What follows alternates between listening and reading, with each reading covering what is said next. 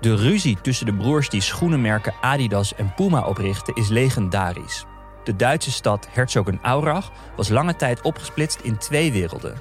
De ene helft van de mensen werkte voor Adidas en droeg Adidas, en de andere helft werkte bij Puma en droeg Puma. Iedereen koos zijn loyaliteit. Puma-mensen trouwden niet met Adidas-mensen. En er waren Puma-gangs en Adidas-gangs op scholen. Sommige kroegen weigerden klanten te serveren op basis van verkeerd schoeisel. En lange tijd stond de stad bekend als de stad van de gebogen hoofden, omdat inwoners eerst naar de schoenen keken van de ander voordat ze bereid waren een gesprek aan te knopen. De strijd tussen die twee bedrijven is nog steeds niet gestreden, maar de broers zijn inmiddels allebei overleden. Ze liggen op hetzelfde kleine kerkhof van Herzogenaurach. Alleen allebei aan de andere kant. We gaan het vandaag hebben over schoenen. Ik ben Alexander Klupping. Welkom bij Goed Verhaal.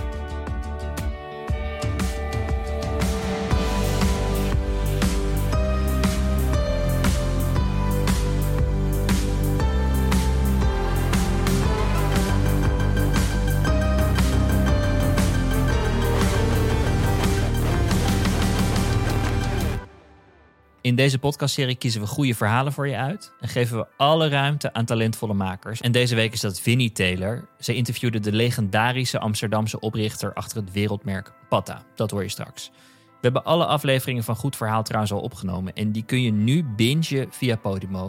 Er zitten volgens mij best wat mooie verhalen tussen. Bijvoorbeeld over hoe het is om blind te zijn en toch te winnen in grote gamewedstrijden een luguber verhaal over het meest gekuste meisje ter wereld en hoe het Brabantse dorp Veldhoven veranderde in een paradijs voor vastgoedhandelaren door de groei van chipmachinefabrikant ASML. Dat en meer kun je nu al luisteren via Podimo. Ga daarvoor naar podimo.nl slash goedverhaal en luister de eerste 30 dagen gratis. Straks hoor je over Patta, maar eerst dit. Op een ochtend in 1948 ontdekte een strandganger in Florida vreemde voetafdrukken in het zand. De voetafdrukken vormden een pad dat opkwam uit de zee, toen een paar kilometer door de duinen liep en daarna weer terug de zee in ging. En wat bijdroeg aan de verwarring, de voetafdrukken waren gigantisch. 35 centimeter lang en 30 centimeter breed. Het waren grote passen van drie tenige voeten. En niet lang na de eerste ontdekking verschenen de mysterieuze sporen ook op andere stranden in de buurt. De lokale kranten drukten foto's af van politieagenten die gehurkt zaten naast de grote voetafdrukken met een verwarde blik in hun ogen. Zijn deze sporen echt van een raar gigantisch beest? Een wamgedrocht dat in het water woont? Zo vroeg de Tampa Bay Times zich af. Verschillende getuigen zeiden tegen de krant dat ze het monster zelf gezien hadden. De nieuwsberichten trokken de aandacht van een dierkundige uit New York, die vervolgens wekenlang onderzoek deed naar de voetafdrukken. Hij interviewde getuigen en maakte gipsen afgietsels van de voetafdrukken. Dit kon geen hoax zijn, concludeerde hij. De voetafdrukken stonden immers te diep in het zand om door een mens gemaakt te zijn. Het beest moet zo'n 900 kilo gewogen hebben. Sterker nog, hij claimde het dier zelf gezien te hebben terwijl hij met een vliegtuig over een nabijgelegen rivier vloog. Volgens hem was het dier grijsgeel en zo'n 3,5 meter groot met pinguïnachtige armpjes. Het dier maakte ook grote golven en moest dus sterke benen gehad hebben. Een pinguïnachtige vogel, zo noemde de dierkundige het.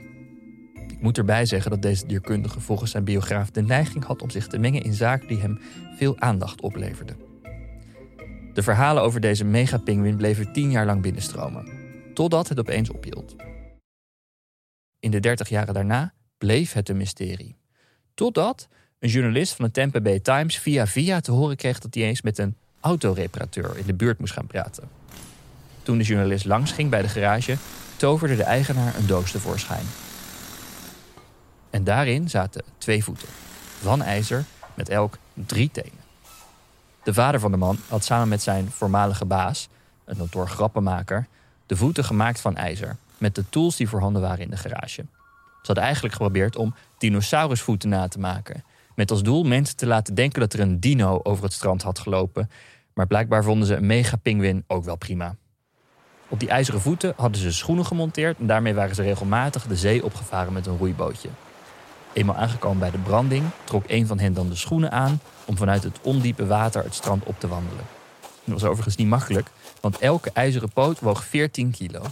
En om de illusie te wekken van grote passen, moest hij steeds één voet naar voren en naar achter slingeren om momentum op te bouwen om de sprong te kunnen maken. Het hoaxen was zwaar werk. Toen het verhaal 30 jaar na dato uitkwam, weigerden sommige inwoners van Florida te geloven dat het niet echt een reuze pinguïn was. Gelukkig heeft de zoon van de grappenmaker de schoenen bewaard om het te bewijzen. Wie ook veel van schoenen houdt is Edson Sabayo. Hij richtte samen met Guillaume Smit Patta op. Twee Surinaams-Amsterdamse vrienden met veel liefde voor hip-hop en sneakers. Ze begonnen met het importeren van sneakers uit de VS, maar hun bedrijf begon echt te vliegen toen ze gingen samenwerken met Essex en daar een exclusieve schoen mee op de markt brachten. Inmiddels hebben ze exclusieve samenwerkingen met Nike, Adidas, Puma, Tommy Hilfiger, Stussy en maken ze na schoenen ook jassen, broeken, truien, shirts en nog veel meer. Het is het eerste black-owned, internationaal toonaangevende streetwearmerk. Met vestigingen in Londen en Milaan en een logo dat opduikt in de garderobe van grote artiesten. Vinnie Taylor interviewde Sabayo en zijn moeder. En liep mee met de Patta Academy, een negen maanden durend opleidingstraject voor creatieve ondernemers in spe, opgezet door Edson om zijn kennis en netwerk door te geven aan de volgende generatie. We beginnen op de trap naar de derde verdieping van een herenhuis in Amsterdam West, onderweg naar de walk-in closet van Edson met een deel van zijn 5000 schoenen.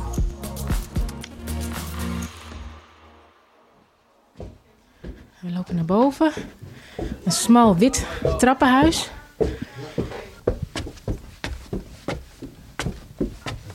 Moeten we hier het hoekje om? ja, Oké. het is een huis met een paar verdiepingen. We zijn nu op verdieping nummer twee. Maar hier is het dus. Hier staan al jouw schoenen. Nee, niet alles. Eh, hier staat zeg maar een vierde. Maar hier staan wel schoenen die ik snel erbij kan pakken. Ja. Maar Dit zijn de, zijn de snelste, de quickies. Deze draag je ook allemaal? Eh, ik draag al mijn schoenen. En is er wel iets van een systeem? Dus kleur bij kleur? Of... Nee, nee, was, was het maar zo. Dat ik de tijd om dat te doen. Maar eh, het is meer gewoon merk bij merk. Kun je me een rondleiding geven? Wat is bijvoorbeeld hier, deze? Air Force One, eh, white orange swoosh high. Nou, dat is dus een oranje swoosh. En hij is hoog. Ja. En hoe lang geleden heb je deze aangehad? Eh, Wauw, misschien een jaar geleden of zo, I don't know. Ze zijn wel aangewezen, omdat je kan zien dat deze goed geveterd. Er zit een kleine krinkel zit erin. Een vet veter is toch gewoon veteren? Een veter is een veter, maar als het zeg maar komt in een doos, dan zijn ze zeg maar pre-geveterd. Dan moet ik ze nog zelf veteren hoe ik, hoe ik ze wil hebben. En hoe, hoe veter jij dan? Want dit ziet er gewoon uit zoals ook mijn zoontje van zeven zijn veters doet. Dat weet ik, maar ik ben niet je zoontje van zeven. Nee, dat snap ik.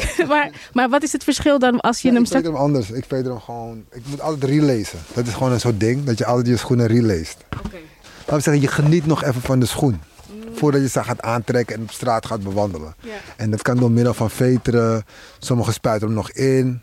Eh, ik spuit hem dan niet meer in. Want ik draag ze toch weinig. één of twee keer. Misschien in een jaar. Omdat je er zoveel hebt. Ja. Je moet je voorstellen, ik heb misschien 5000 paar schoenen of zo. Whatever. Je zegt heel vaak whatever, maar ik vind 5000 niet whatever. ja, dat, dat, snap ik. Maar het is wel dat je de, het is zeg maar eh, eh, verzameld of, of gekregen of gekocht of whatever. Maar sorry. Sorry. Er valt iets... Oh. Ja. Ik vind het vaker gewend. Het is een zwarte doos waar geen label op staat. Er staat Nike ID staat erop. Ja, het was een serie, eh, Gatorade serie, eh, Jordan. Maar die is geruild, nee, is geruild. Nee, Suède, groen suède. Ja, Heel mooi. Sick hoor. Maar zijn die al geveterd? Want volgens Nee, mij... nee. Dit is nieuw. Nee, dat is nieuw. Ja. Ja. Dus jij gaat hem nu loshalen en dan gaan we hem veteren. Het is een soort kruissteek wat je doet, toch? Ja, ja, ja. Het is gewoon een soort kruiselingsveterikse.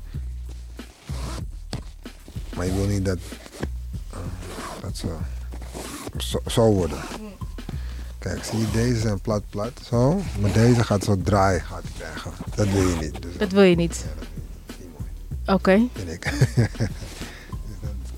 Dus je, Draai ik hem weer, zodat hij weer plat wordt. als je mensen ziet met veters die wel gedraaid zijn, denk je dan, je hebt, je, je hebt niet goed geveterd? Nee, nee, nee. Ik denk, dat- dat is gewoon hoe ik het doe. Eh, als mensen dat wel doen, dat is dat, ja, dat is hun. Dat kan ik, weet je, je, je kan niet judgen Vroeger zou ik dan heel zo puristisch. Zo, nee, je doet het niet goed. Maar wie, zijn, wie maakt die regels? Er zijn geen regels bij deze shit. Terwijl de Jordan 6 Gatorade Green door Edson wordt geveterd, legt hij uit dat het helpen van mensen niet pas begon bij de Pata Foundation, maar dat hij en medeoprichter Guy Smit vanaf het begin werknemers al de kans gaven extra skills te leren. Het zat al vanaf dag 1 in het DNA van Pata om terug te geven. Als bijvoorbeeld eh, mensen bij ons kwamen werken, dan gaven we ze al tools om zich verder te ontwikkelen. Hadden een keer eh, was een idee eh, om Batavia's te verkopen met Pata Sale. En nou, bellen. Batavia, oké, cool, gezellig. oké, cool. Maar ik ging daar naartoe met eh, twee gasten die bij mij werkten. Om dan zeg maar eh, de deal te sluiten. Maar ik liet hun de deal sluiten. Je kan dan leren om dingen op te zetten. Dus dat, je leert dan je eigen... Hoe, hoe moet je een productie opzetten? Hoe moet je een ding... Niet dat ik het doe en jij meekijkt. Nee, ik wil dat je het zelf doet. En ook gewoon zelf, hè. Dingen, ik heb van tevoren bespreken wat dingen. Ja. Daarna, zij gaan de deal sluiten. En dan terug in de auto gaan we zeggen, oké, luister, misschien kan je volgende keer dit doen. Maar, maar kijk, als het echt uit de hand loopt tijdens Dan- de... dan grijp dan grijp ik in. ja. Maar het hoeft er niet, omdat deze gasten, omdat ze de DNA kennen. Dus ze zijn DNA zo, van Pata. Ja, ja, sorry, van Pata. Dan zijn ze dus zo ja, erin dat ze dat ook helemaal doen. En dat hebben ze ook fantastisch gedaan. Maar Ja. wat ik het meeste trots natuurlijk was, is dat mijn boys dit hebben gefixt. ja. Logistiek, er moet spullen daar komen. Ja. Je, hoe ga je dat naartoe brengen? Hoe gaan we het doen? Moeten we het sturen? Moeten we zelf een busje huren? Hoe moeten we dit doen? Zoek het maar uit. En, nou, en dan, en zo is Pata wel Een open. soort leerschool ook, hè? Exactly. Maar ook voor onszelf. Dus Ja. dat hele wat we net al zeggen over each one teach one en leren, het staat al in onze DNA. Alleen hebben we het nog nooit eruit getrokken om iets aparts te maken. Gebeurt het begeleiden van werknemers en jongeren door Pata eerst nog informeel, langzamerhand krijgt het een meer structureel karakter. Zo wordt in 2010 het Pata Running Team opgericht, waarbij jongeren, maar ook familie en vrienden van Pata een hardloopgemeenschap vormen die naast een sociale functie ook moest zorgen voor persoonlijke groei. En ondertussen geeft Edson nog steeds verschillende presentaties over het bedrijf, zo ook in 2018 in Amsterdam Zuidoost. En een paar weken na deze specifieke presentatie vraagt een medewerker van het Pata Running Team hem om wat t-shirts voor de kinderen. Hij brengt de t-shirts naar een buurtcentrum in Amsterdam Zuidoost. Maar als hij daar aankomt, blijkt hij zonder het te weten ineens terechtgekomen te zijn in een meeting. Ik ga naar binnen. Hij doet de deur dicht. Opeens zie ik drie mensen komen. Eh, eh, een meid die ik ken, Fatima ook. Die komt, boom, zitten, computer open. Meeting. Ik denk, meeting? Precies zo, je kijkt zo. Verbaasd, Ja, huh? Oh, Ik moet al shirts komen brengen. Ja. Papa is weet je, wat is gebeurd hier? dus nu, Dennis legt uit. Hij zegt, Ed, ehm, je was een maand geleden of zo, of een paar weken geleden, daarvoor, voor die, voordat we zaten nu, eh, deed ik een, een talk in de Bijlmer over Pata. Weet je, hoe wij zijn en hoe ik het nou vertel en et cetera. En ehm, hij zegt, die kids waren allemaal stil, man. Voor 45 minuten lang. Die, die span was 45 minuten lang. En je was alleen maar aan het praten. En luister, ze stelde ook vragen. Dat is heel interessant. Hij zegt, eh, ik, ik, ik, ik- sorry dat ik je zo hostile heb genomen, maar ik wil dat je daar iets mee gaat doen. Zullen we een school beginnen? Een Pata Academy. Of een Pata Summer School. Zo, zo zouden we het doen. Summer School. En ik wou altijd al vroeger, wou ik altijd al Meester leraar. worden? Meester, ja, wou ik Ja. al leraar worden of zo. Dus laten we dan een summer school doen voor onze mensen. Want vaak is het ook zo dat, eh, weet je, onze mensen of broken homes, of er is veel bagage, of er is dit, of er is dat. Maar ze hebben wel ook gewoon niet de cent om gewoon van de university te gaan of whatever. Het kost gewoon natuurlijk heel veel geld. Ja, Waarom doen we niet een soort cursus waarbij ze tools krijgen, handvaten, dat ze niet worden vergeten? Ehm, dus ik zag het al helemaal zitten. Dus Summer school. Summer school. Zijn we begonnen in de Oskam. Het was heel tof, maar het was meer een beetje houtje touwtje. Niet nog op level hoe ik het zou willen hebben. We hebben even gezeten daarna met, met Kenneth en, en Fatima. Oké, laten we naar een next level brengen. En die volgende stap is de Pata Academy. De Summer School verandert nu in een negen maanden durend opleidingstraject. Creatieve ondernemende jongeren worden bij de Academy begeleid in het opzetten van een onderneming of project. Twee zaterdagen in de maand komen ze bij elkaar en krijgen ze workshops van onder andere IDT, ABN AMRO, het Van Gogh Museum en Nike. Het hoofdkantoor van Patta in Amsterdam-West fungeert als hun basis. Op de zaterdag dat ik mee mocht kijken bij de Patta Academy vindt die bijeenkomst dus ook plaats in het hoofdkantoor in Amsterdam-West. En in de ochtend zitten ongeveer 25 studenten verspreid over het hele kantoor achter hun laptop te werken. Eén voor één worden ze geroepen om hun persoonlijk ontwikkelingsplan te pitchen bij hun begeleiders.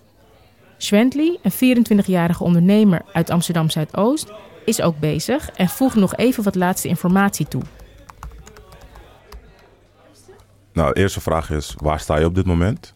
In principe, welke competenties heb je in huis? Waar ben je goed in? Maar ik zie dat je die al hebt ingevuld, hè? dus die Ja, klopt. kunnen we overslaan. En dan vraag 2. Wat zijn je ambities? Welke capaciteiten wil je ontwikkelen en waar, waar wil je beter in worden? En wat zijn je ambities? Op het gebied van werk wil ik eh, uiteindelijk mijn eigen kledingbedrijf opstarten. Maar daarvoor wil ik eerst een creative collective. doe ik samen met vier vrienden. En uh, genaamd Young Gifted.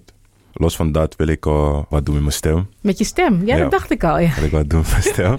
Voice-overs lijken me wel heel leuk om te doen. Oké, Dus eh, dat zijn in principe een beetje mijn je ambities. ambities. Ja. Oké, nou voice-over, dat, dat klinkt goed. Ik kan me dat heel goed voorstellen.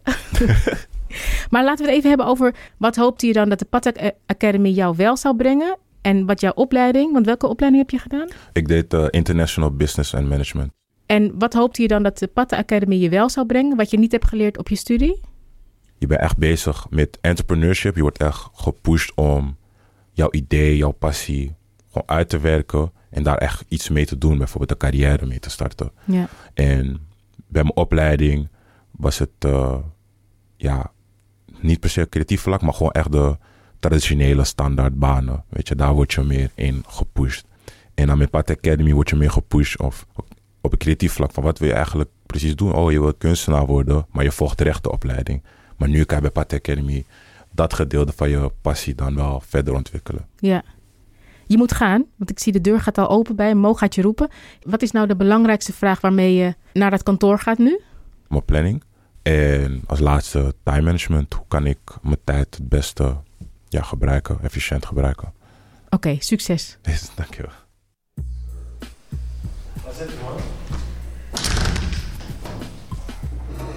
In het kantoor bespreekt Schwentley zijn plannen met Mo. Oké, we gaan verder. Neem mij mee. Het is maart. Wat hebben we? Ja, dus in principe... Naast persoonlijke ontwikkeling wordt er bij elke pitch ook gekeken of er iemand binnen het Patta-netwerk iets kan betekenen voor de plannen van de student in kwestie. Je kan ook halen tijdens de Dragon's Den. Er zitten daar vier, vijf mensen die naar jou zitten te luisteren. Dus dan kan je ook alvast nadenken van... oké, er zitten daar misschien mensen, misschien potentiële investeerders. Wat wil ik daaruit halen? Nou, aan zijn gezicht te zien is de pitch goed gegaan. Hij, eh, ik zag dat hij een lijst kreeg met namen van mensen in het Patta-netwerk die hem verder kunnen helpen. En hij heeft een stappenplan gekregen waar hij de komende twee weken aan kan werken. Als hij naar buiten loopt, praten we nog even verder over hoe hij denkt over Patta in het algemeen. Kun je de Patta zien of de Patta, het bedrijf, even omschrijven? In het kort, in een paar zinnen? Moet ik letten op mijn taalgebruik? Nee. Denk ik gewoon van uh, be yourself, fuck what everyone else thinks. En dat is gewoon een beetje de vibe dat ik krijg. Want laten we Edson bijvoorbeeld uh, als voorbeeld nemen.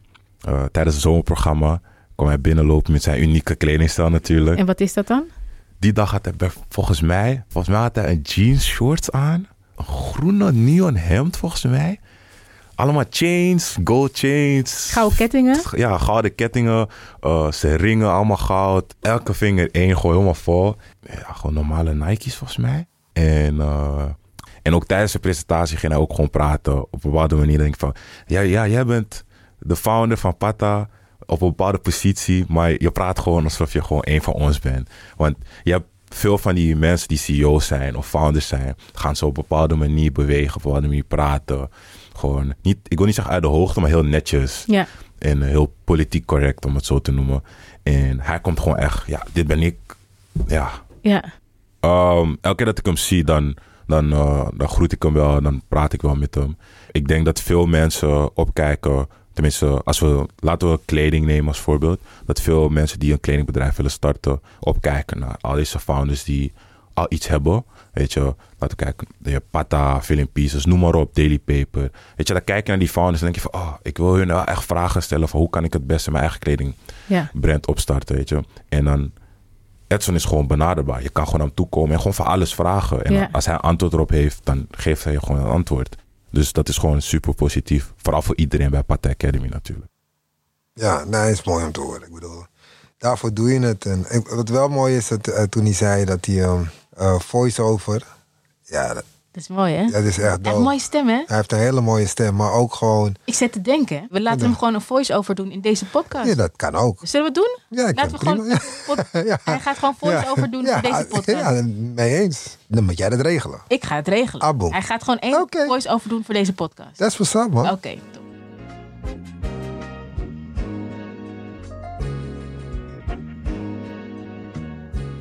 Ik was dus daar bij die, eh, bij die studenten. En wat me heel erg opviel Mhm. was eh, de gedrevenheid van die studenten. Ehm, van een Marokkaanse bakkerij tot inderdaad voice-over, tot een sportprogramma voor jongeren. Eh, een andere student had, die wilde kunstenaars die gevlucht waren uit een ander land, die hier asiel hadden aangevraagd en met hen kunst maken. Ja. Het is zo verschrikkelijk divers. Wat is nou de gemene delen van al die dingen die jullie doen met deze studenten? Begeven ze dus ehm, de, de push, het netwerk, de push en, en, het geloof dat alles, alles is mogelijk. Dus wat je al zei is, de ene wil dit doen, de andere wil dat doen. Er is nooit in ons team die tegen die kids gaat zeggen, nee man, dat gaat, dat gaat niet gebeuren.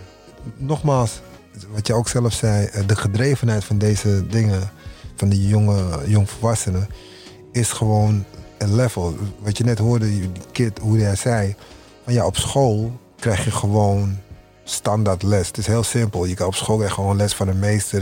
Die heeft gewoon een boek. En gaat, uit het boek gaat hij jou les geven. Maar in de praktijk komen er dingen voor die niet in het boek staan. Simpel voorbeeld. Als jij een kledinglijn hebt of whatever. En de package komt niet aan omdat die bij de douane vastzit. Wat ga je doen? Staat niet in het boek. Je Nee. weet niet, dus er komt een error. Ja. Wat ga je doen? Nou, dat soort situaties, dingen. Alleen, wij gaan je niet vertellen hoe je het moet doen. Jij moet het zelf. Wij geven je de tools, de handvaten. En het netwerk. En het netwerk. Ja. En het wat ik van jou verlang is om to make it happen. Dus, tijdlijnen. Wat verlang je van jezelf? Wanneer moet het klaar zijn? Als er problemen zijn, kom je met ons praten, met de mentoren. Om je weer verder te helpen Ja. dan die zijn er. En wat we ook proberen te doen, is het die kids, of die kids, die jongvolwassenen te laten beseffen wat je nu krijgt. Is niet zomaar. Je hoeft geen contributie te betalen. ja, het is helemaal gratis, hè? Het is negen maanden lang. Het is workshop bij Nike, bij ABN AMRO, IDT. Ja, ja, ja, ja. Van Gogh Museum heb ik ze Van gezien. Gogh, Van Gogh. Dus- en eh, uiteindelijk een Dragon's Den. DLA Piper, Ja. Porsche. Ja, weet je, het is crazy. Wat wij ook willen natuurlijk doen, is dat op een gegeven moment dat andere partijen naar ons kijken en zeggen: Ja, man, die shit moeten we ook doen. Fuck it, ik ben een merk of ik ben een dit en dat, een entiteit. Yo, fuck dit, man. Ik wil, weet je, try to, try to keep a, build a legacy for the kids. Het is niet, it's not about me of about Pata of about G of about, weet je toch? It's about the, the, the new future, man. En wij hebben de rest hebben we al. We, we, zijn al. we zijn al cool. Weet je, ik heb een huis, vrouw, kids, auto. Weet je, ik ben cool. Het wordt tijd dat die kids gewoon beter dan Eigenlijk- ons worden. ja. En wat is jullie missie bij de Pata Foundation? Weet je, missies, visies en tuurlijk. Maar eigenlijk willen wij gewoon goede dingen willen wij doen wat dicht bij ons staat. Dicht bij ons hart. En niet ver af om iets te laten zien. Stel je voor, ik noem maar wat. Niks ten nadele of zo, maar bijvoorbeeld als we een, met het Rode Kruis of Greenpeace, zie je Pata geen dingen meedoen. Is te ver van onze bed. Zoals ze hele goede dingen doen ze, bijvoorbeeld. Black Archives zit dichter bij ons hart. Is onze homies eigenlijk. Ja. Dus mijn die lopen op straat. Vaak dit, dat. Yo, oh shit. Yo, deze shit. Oh, laat me je helpen.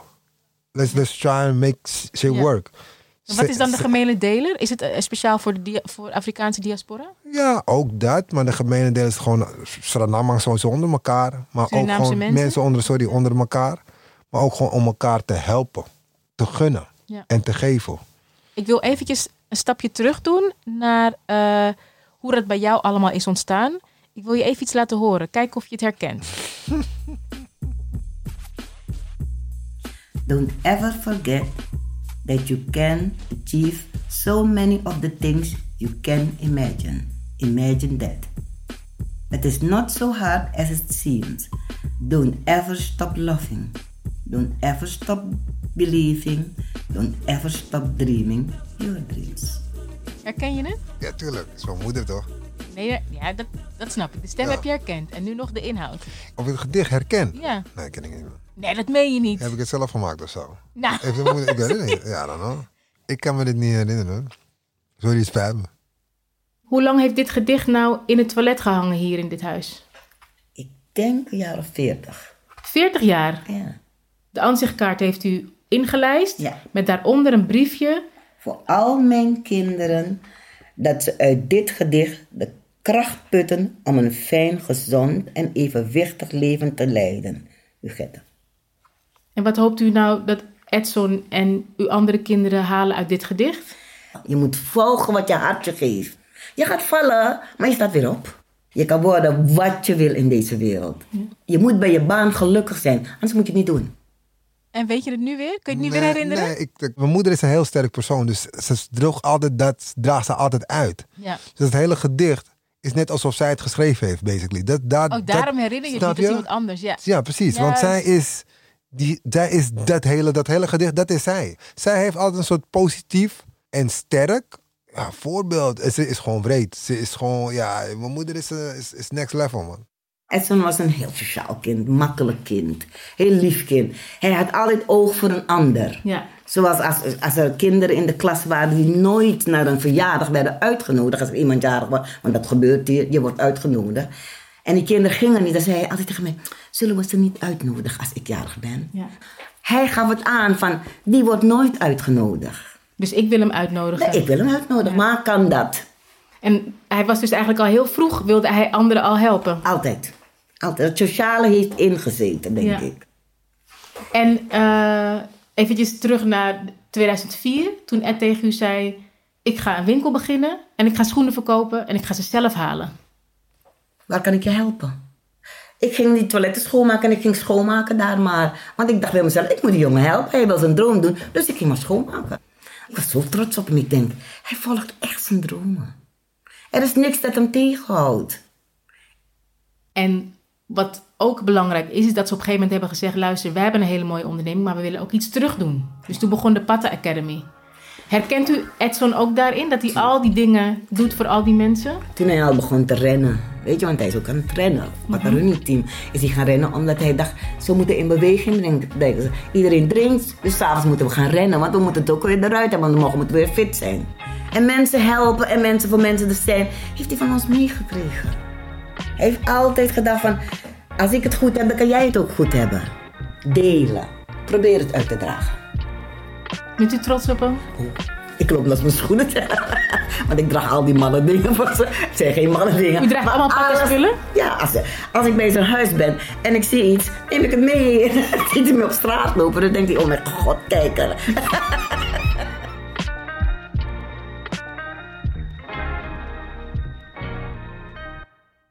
Ja, super trots, natuurlijk. Wat me ook opvalt, ik heb er een paar keer gesproken. Ze heeft altijd iets van patta aan. Dus of een brosje, Ja, heeft ze. ja. Of ze heeft een hoodie aan. Of ze heeft een soort van Nou, maar lange bedoel- bomberjack of schoenen. Maar luister, maar wat, altijd iets waar patta op staat. wat, wat zou jij doen? Ja, ik zou het ook doen. Maar ze zegt ook altijd dat ze dingen steelt als ze bij jou thuis ja, ja, ja, ze steelt shit. maar dan denk je, dus je weet toch, dus die, je hebt net gezien hoeveel, er is te veel. Ja, precies. Ik kan niet altijd, ik weet dat het er is. Ja, maar nu is het er niet meer, want zij heeft weet- het. ze heeft het. Maar als ik het ga zoeken en ik vind het niet, dan weet ik waar ik het kan vinden. Dan moet ik daar naartoe gaan. Naar je moeder, ja, dan moet je naar je moeder. Dan ligt het daar. Ja, ja, klopt.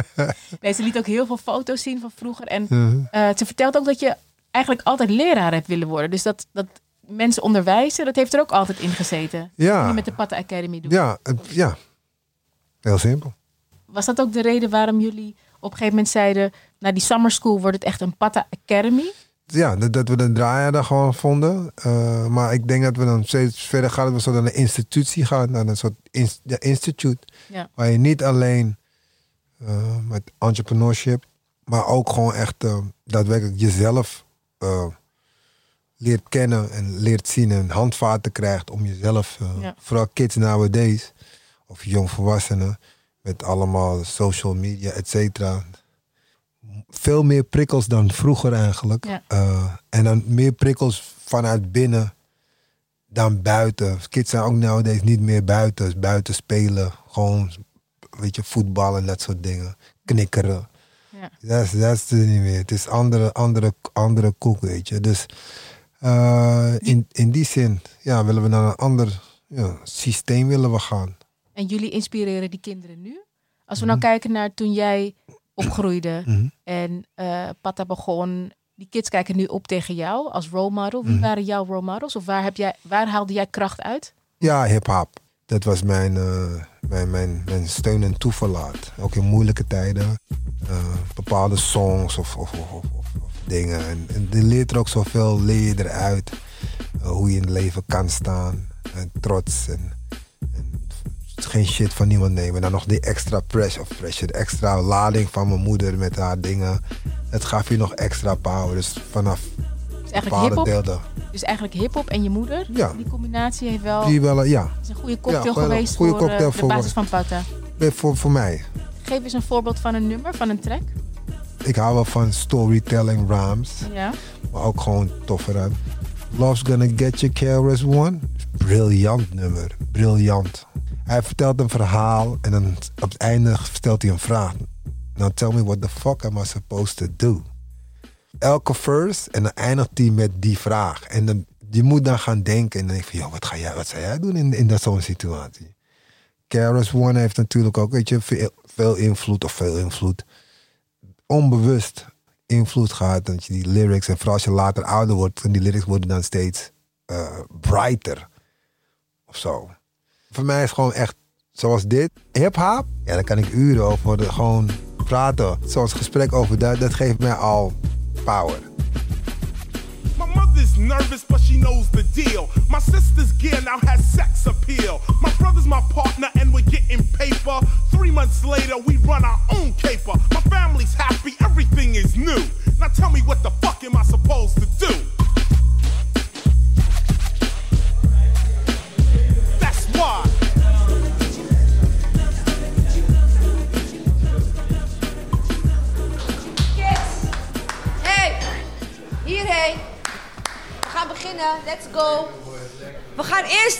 workshop pitchen doen en daarna de laatste twee gesprekken voor de pitch bij mij en bij Mo. Let's go, let's giddy go, let's giddy go, peeps. Dit is Fatima, voormalig gemeenteraadslid voor de PvdA en nu algemeen directeur van de Pat Academy. Ze is kort, maar heeft een krachtige stem die je door het hele kantoor kunt horen. En de titel directeur doet eigenlijk geen recht aan haar band met de studenten. Ze is veel meer dan dat. Een oudere zus, een vertrouweling, een moeder, maar vooral hun cheerleader. Ik ben eigenlijk opgeleid tot eh biologie-docenten. En daarna heb ik twintig jaar in de politiek gezeten. En ja, ik eh, eh, word 50 volgend jaar. Ik, eh, net als Edson en ik, we waren allemaal bezig met onze legacy. Wat laten we nou achter? Wat wordt onze footprint op deze wereld? Het is leuk dat je geld maakt, een succes hebt, een mooie huis, een mooie spullen hebt. Maar dat is niet wat je achterlaat. En toen dachten we van ja, we hebben zoveel gekregen van de samenleving, we hebben zoveel gekregen van het leven. We willen graag iets terug doen. En dat doen we door de komende generaties beter te equiperen om die stap in die samenleving te gaan zitten. Dus letterlijk, we pay it forward. En wat voor soort studenten melden zich aan bij de Pat Academy? Creatievelingen, vaak ook eh, met, een, eh, met een andere etnische achtergrond dan de oer-Hollandse achtergrond. Maar voornamelijk jongeren die creatief gemotiveerd zijn, maar dat niet via reguliere opleidingen kunnen vinden, om eh, de weg kunnen vinden om daar in hun creativiteit vorm te gaan geven, om daar ook een, ja, een levensvatbaar idee, project of bedrijf van te maken. Ja. Weet je wat heel leuk is? Ze zijn ambitieus en leergierig. En het enige wat ze nodig hebben is eigenlijk steuntje. En dat is wat we ze bieden. Wat we doen is deze studenten voorbereiden op die samenleving. Die niet altijd zit te wachten op mensen die lijken op veel van onze studenten. En ik sprak net een alumni-student, John heet hij geloof ik. Ja. En jij hebt hem ook die waarheid verteld. Hè? En niet, zo, niet, niet zachtzinnig, maar best direct. Wat, wat heb je gedaan? we hadden een pitch vorig jaar. Toen hij, hij zat in de groep van vorig jaar en hij studeerde rechten. En eh, ik zat in de pitch met een andere collega samen met, met Kenneth. En ik gesprek met hem en ik keek hem aan. En ik zeg tegen hem van ja, weet je, ik ga je iets vertellen. Wat heel weinig mensen je heel eerlijk gaan vertellen. En dat doet pijn in mijn hart ik het moet zeggen. En ik voel me nu alweer de emotie opkomen. Het is een donkere jongen. Super, super getalenteerd. Ik zei tegen hem, kijk, jij studeert rechten. Je wil waarschijnlijk gaan werken aan een mooi kantoor aan de Zuidas.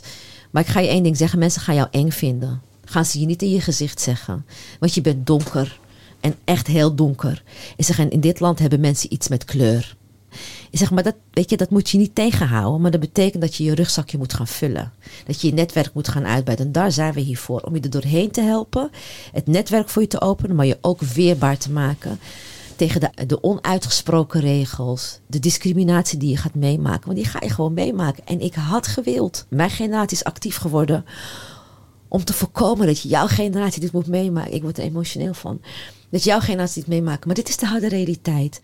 Jullie hadden hem meegenomen, vertelde hij, naar een, uh, een presentatie op de Zuidas met allemaal advocatenkantoren. Ja, we hadden, uh, een van onze partners, DLI Pipe, uit een office talk. Hadden ze mij en Edson uitgenodigd om iets te pitchen, want zij sponsoren ons en ze helpen ons heel veel.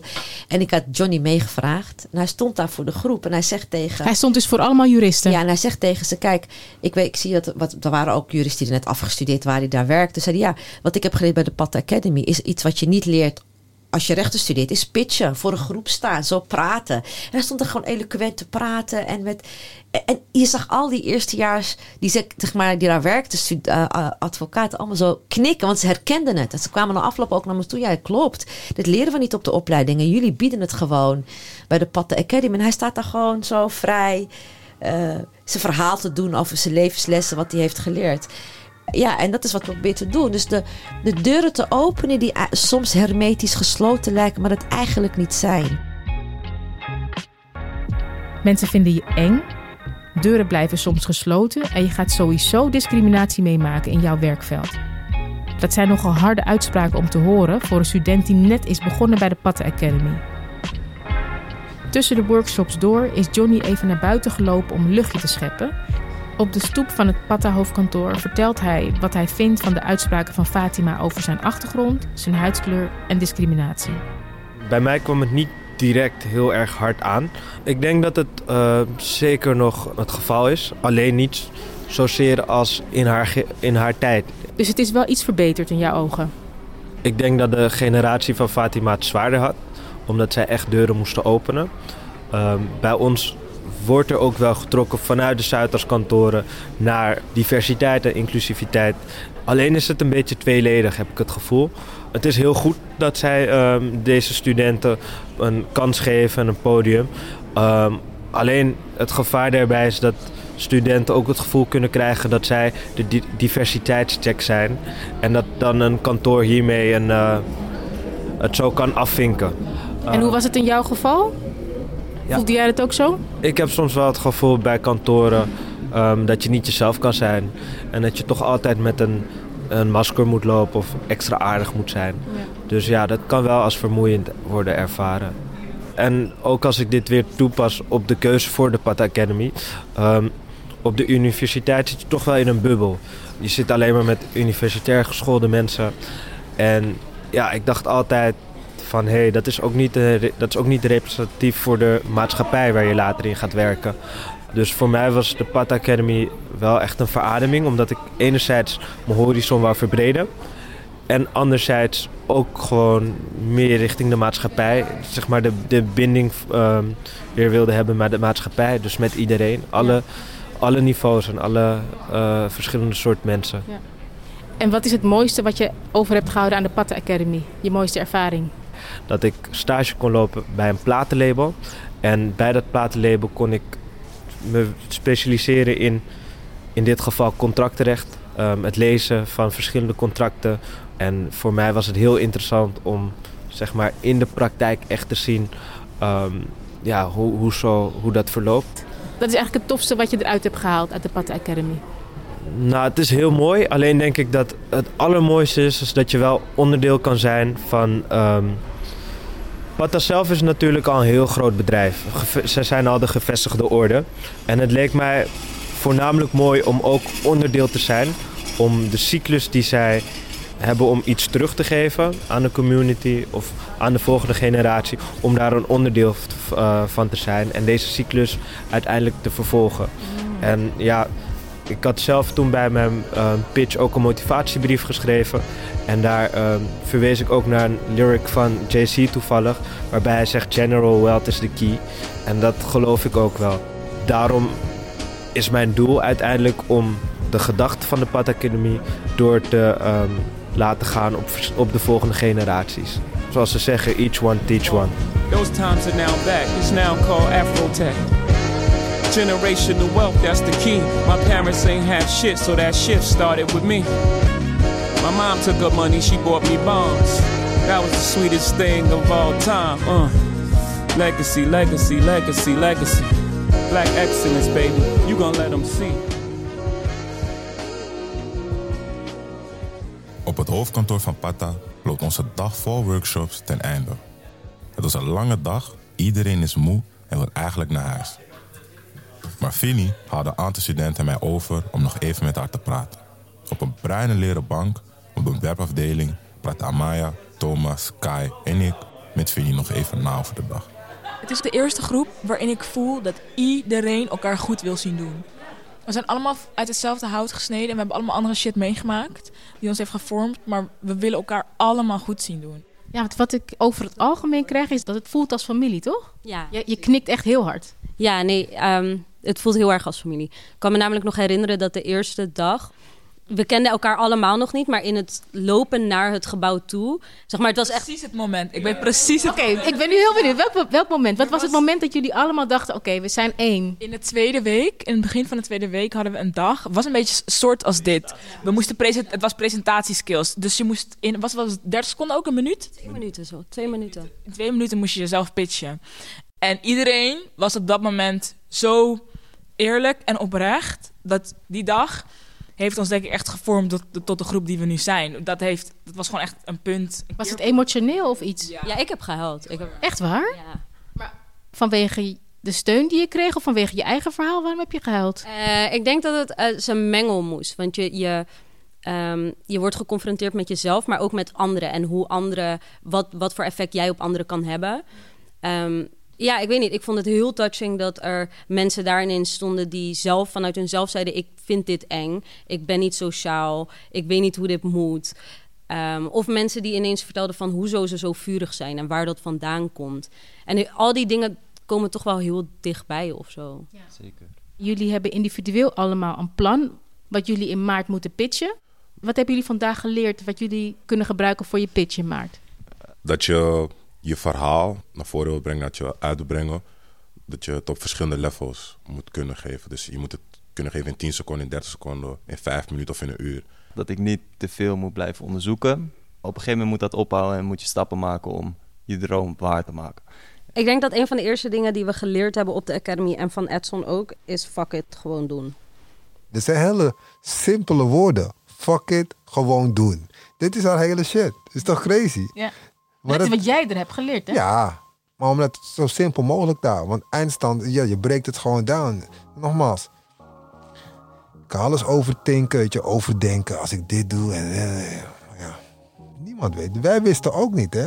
Toen je begon met Pata. Dat we een Pata Academy, drie winkels zouden hebben. Black owned independent, worldwide, globally. That soort shit. Running teams, foundations. Dat ik dit interview nu met je doe. Nee. nee, snap je? Dat wist ik niet. Nee. Maar het is wel heel tof om te doen. Dus nogmaals, fuck it and go. En meestal wat er dan gebeurt, is dat je een soort sneeuwbaleffect gaat krijgen. En dan gaat het gewoon door. Het is, is gewoon, is easy. Dus het zijn 24 uur, waarvan je er misschien 6 moet slapen. De rest kan je gewoon shit doen wat je leuk vindt. Als je ze rijgt, dan zie ik dat je altijd een vingercootje houdt tussen de, waar je vetert en het gaatje. Maar zie je dat zelf ook? Nee, Ik dacht een techniek of zo. Misschien is het een techniek die ik aangeleerd heb, maar die ik gewoon... Het is net als fietsen of zwemmen. Op een gegeven moment merk je het niet meer. Het is gewoon, weet je, snap je? Ja. Oké, nou ja, dit zijn ze nu geveten. Dan heb ik eentje geveten. Nee, ik zie het verschil wel. Ja, toch? Ja, ik moet wel eerlijk toegeven, ja, het is wel mooier. Thanks.